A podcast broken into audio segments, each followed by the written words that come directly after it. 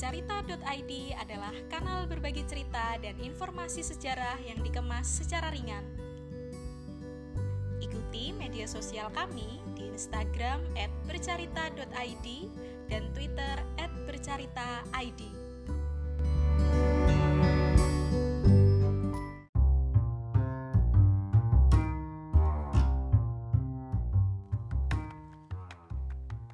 Halo semuanya, bercerita.id di episode pertama. Yeay, Eh, senang sekali kami dari podcast bercerita.id bisa launching, wes kayak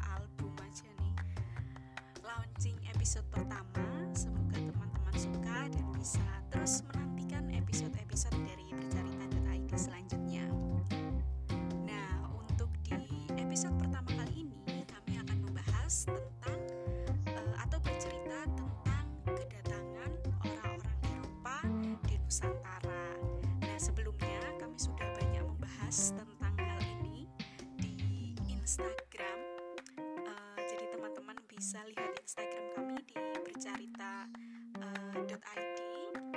dan di podcast ini akan lebih banyak membahas tentang eh, proses kedatangan orang-orang Eropa ke Nusantara sampai akhirnya mereka menetap dan membangun sarana dan prasarana di Nusantara Belanda. Selamat mendengarkan.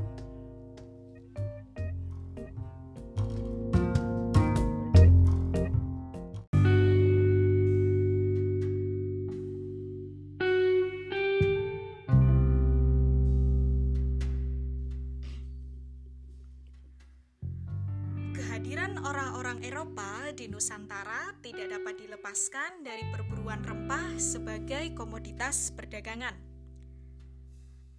Rempah-rempah ini kemudian dibawa ke Eropa untuk kembali dijual dengan harga yang cukup mahal.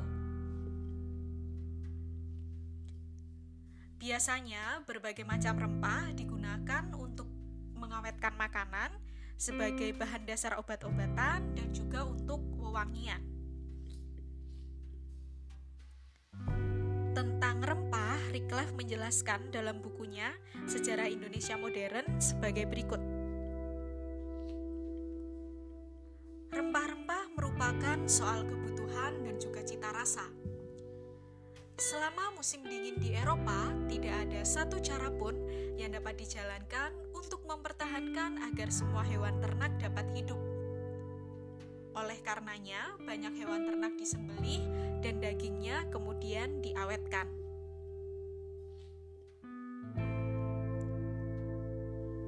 Tentang perdagangan rempah, Fadli Rahman menjelaskan bahwa sebelum abad kelima Masehi, para pedagang dari Nusantara telah menguasai perniagaan jenis komoditas berbau harum, seperti cengkeh dan juga pala.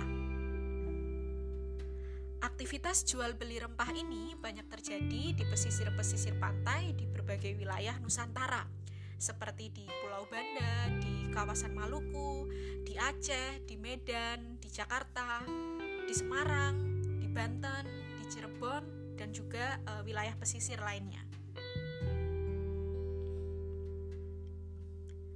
Di Jakarta, Pelabuhan Sunda Kelapa terkenal sebagai bandar penting untuk aktivitas perdagangan rempah. Sejak abad ke-12, Pelabuhan Sunda Kelapa sudah ramai didatangi oleh pedagang asing seperti Tiongkok, India, Arab, Portugis, dan juga Timur Tengah. Biasanya mereka membawa barang-barang seperti porselen, kopi, sutra, kain, wewangian, anggur, dan zat warna untuk kemudian ditukar dengan rempah-rempah. Selang waktu berjalan, perdagangan di Nusantara dimonopoli oleh VOC. Mereka membangun kantor dagang di Banten pada tahun 1603. Tulisan Lili Suratminto pada majalah National Geographic edisi khusus Jalur Rempah yang terbit pada Januari 2021, beberapa hak VOC antara lain mendirikan kantor dagang, membangun benteng, membangun kapal, merekrut serdadu, dan juga yang penting adalah hak untuk memonopoli rempah. Setelah kurang lebih 200 tahun, VOC berdiri sebagai salah satu kongsi dagang terbesar di dunia. Akhirnya VOC bangkrut pada akhir abad ke-18. Salah satu penyebab kebangkrutannya adalah praktek korupsi di kalangan pejabat VOC.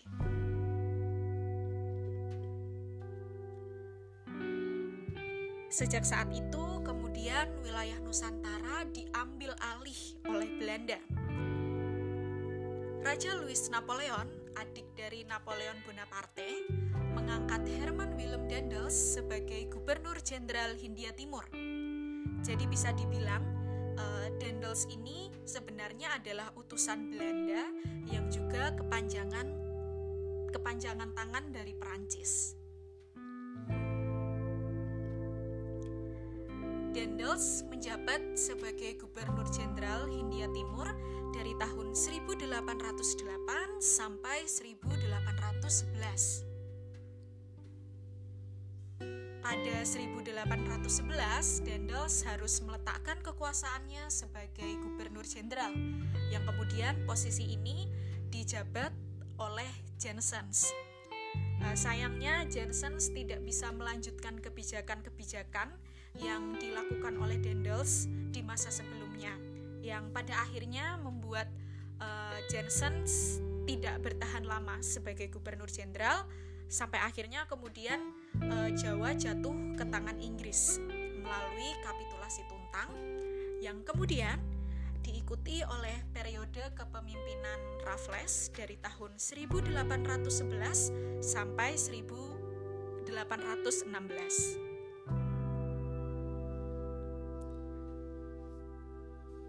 Gejolak yang terjadi di Eropa membuat Inggris akhirnya harus kembali menyerahkan wilayah Hindia Belanda ke kerajaan Belanda. Ini tepatnya terjadi sekitar tahun 1816.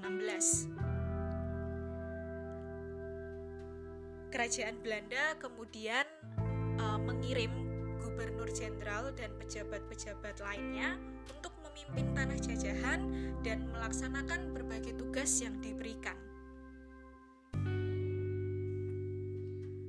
Pasca, 1000, uh, pasca 1816, uh, akhirnya orang-orang Eropa itu banyak yang datang dan menetap ke Hindia Belanda. Uh, puncaknya, populasi orang Eropa di Hindia Belanda itu menunjuk, menunjukkan peningkatan yang sangat berarti ketika dikeluarkan Undang-Undang Agraria 1870. Undang-undang ini memberikan kesempatan pada pengusaha swasta dari Eropa dan Belanda pada khususnya untuk membuka usaha dalam bidang perkebunan. Mengingat hampir seluruh wilayah di India Belanda sangat cocok untuk ditumbuhi berbagai komoditas perkebunan. Jadi ada perkebunan tebu yang kemudian uh, nanti jadi banyak pabrik-pabrik gula, produksi gula di Hindia Belanda, ada perkebunan kopi, perkebunan teh dan juga uh, komoditas perkebunan lainnya. Sejak diberlakukannya Undang-Undang Agraria 1870, pengusaha perkebunan Belanda dan negara Eropa lainnya mendapatkan jumlah keuntungan yang luar biasa berlandaskan pada kolonial super profit. Sejalan dengan hal itu, akhirnya uh, orang Eropa banyak yang menetap di Hindia Belanda yang kemudian diikuti dengan pembangunan sarana dan prasarana untuk masyarakat Eropa. Mereka mendirikan kawasan pemukiman, sarana hiburan, gereja, uh, gereja, sekolah, rumah sakit, dan lain-lainnya. Contoh kasus di Yogyakarta yang mana wilayah pemukimannya itu sampai sekarang e, masih bisa kita lihat adalah di kawasan Kota Baru. Jadi istilahnya di Kota Baru itu lengkap gitu ya. Jadi ada rumah-rumah untuk orang Eropa, kemudian e, sarana pendukungnya itu ada gereja, ada gereja Kota Baru, ada HKBP ya sekarang, terus ada juga uh, sekolah yang sekarang jadi SMP 5 dan SMA 3 untuk sarana kesehatan itu nggak jauh dari Kota Baru ada Rumah Sakit Petronella yang sekarang jadi Rumah Sakit Bethesda dan sarana olahraga itu ada di Stadion Kridosono. tentang sarana hiburan bagi masyarakat Eropa itu tidak bisa dilepaskan dari yang namanya society. Uh, society sebagai gedung dan society sebagai sebuah klub. Di tiap-tiap kota kolonial itu biasanya ada gedung society. Jadi apa sih gedung society ini? Gedung society itu adalah sebuah uh, tempat untuk uh, berkumpul orang-orang Eropa. Biasanya mereka melakukan pertemuan, melakukan pesta dansa dan juga um, pesta alkohol ya. Apa sih sebutannya tuh pesta minuman-minuman keras ya seperti itu. Di Yogyakarta kita masih bisa lihat bangunan sosietitnya ada di selatan Pasar Beringharjo menghadap ke timur satu kawasan dengan taman budaya. Jadi kapan-kapan mungkin teman-teman yang mendengarkan ini bisa uh, mengamati melihat bagaimana gedung Societet itu yang sampai sekarang masih berdiri ya jadi bisa tengok-tengok sebentar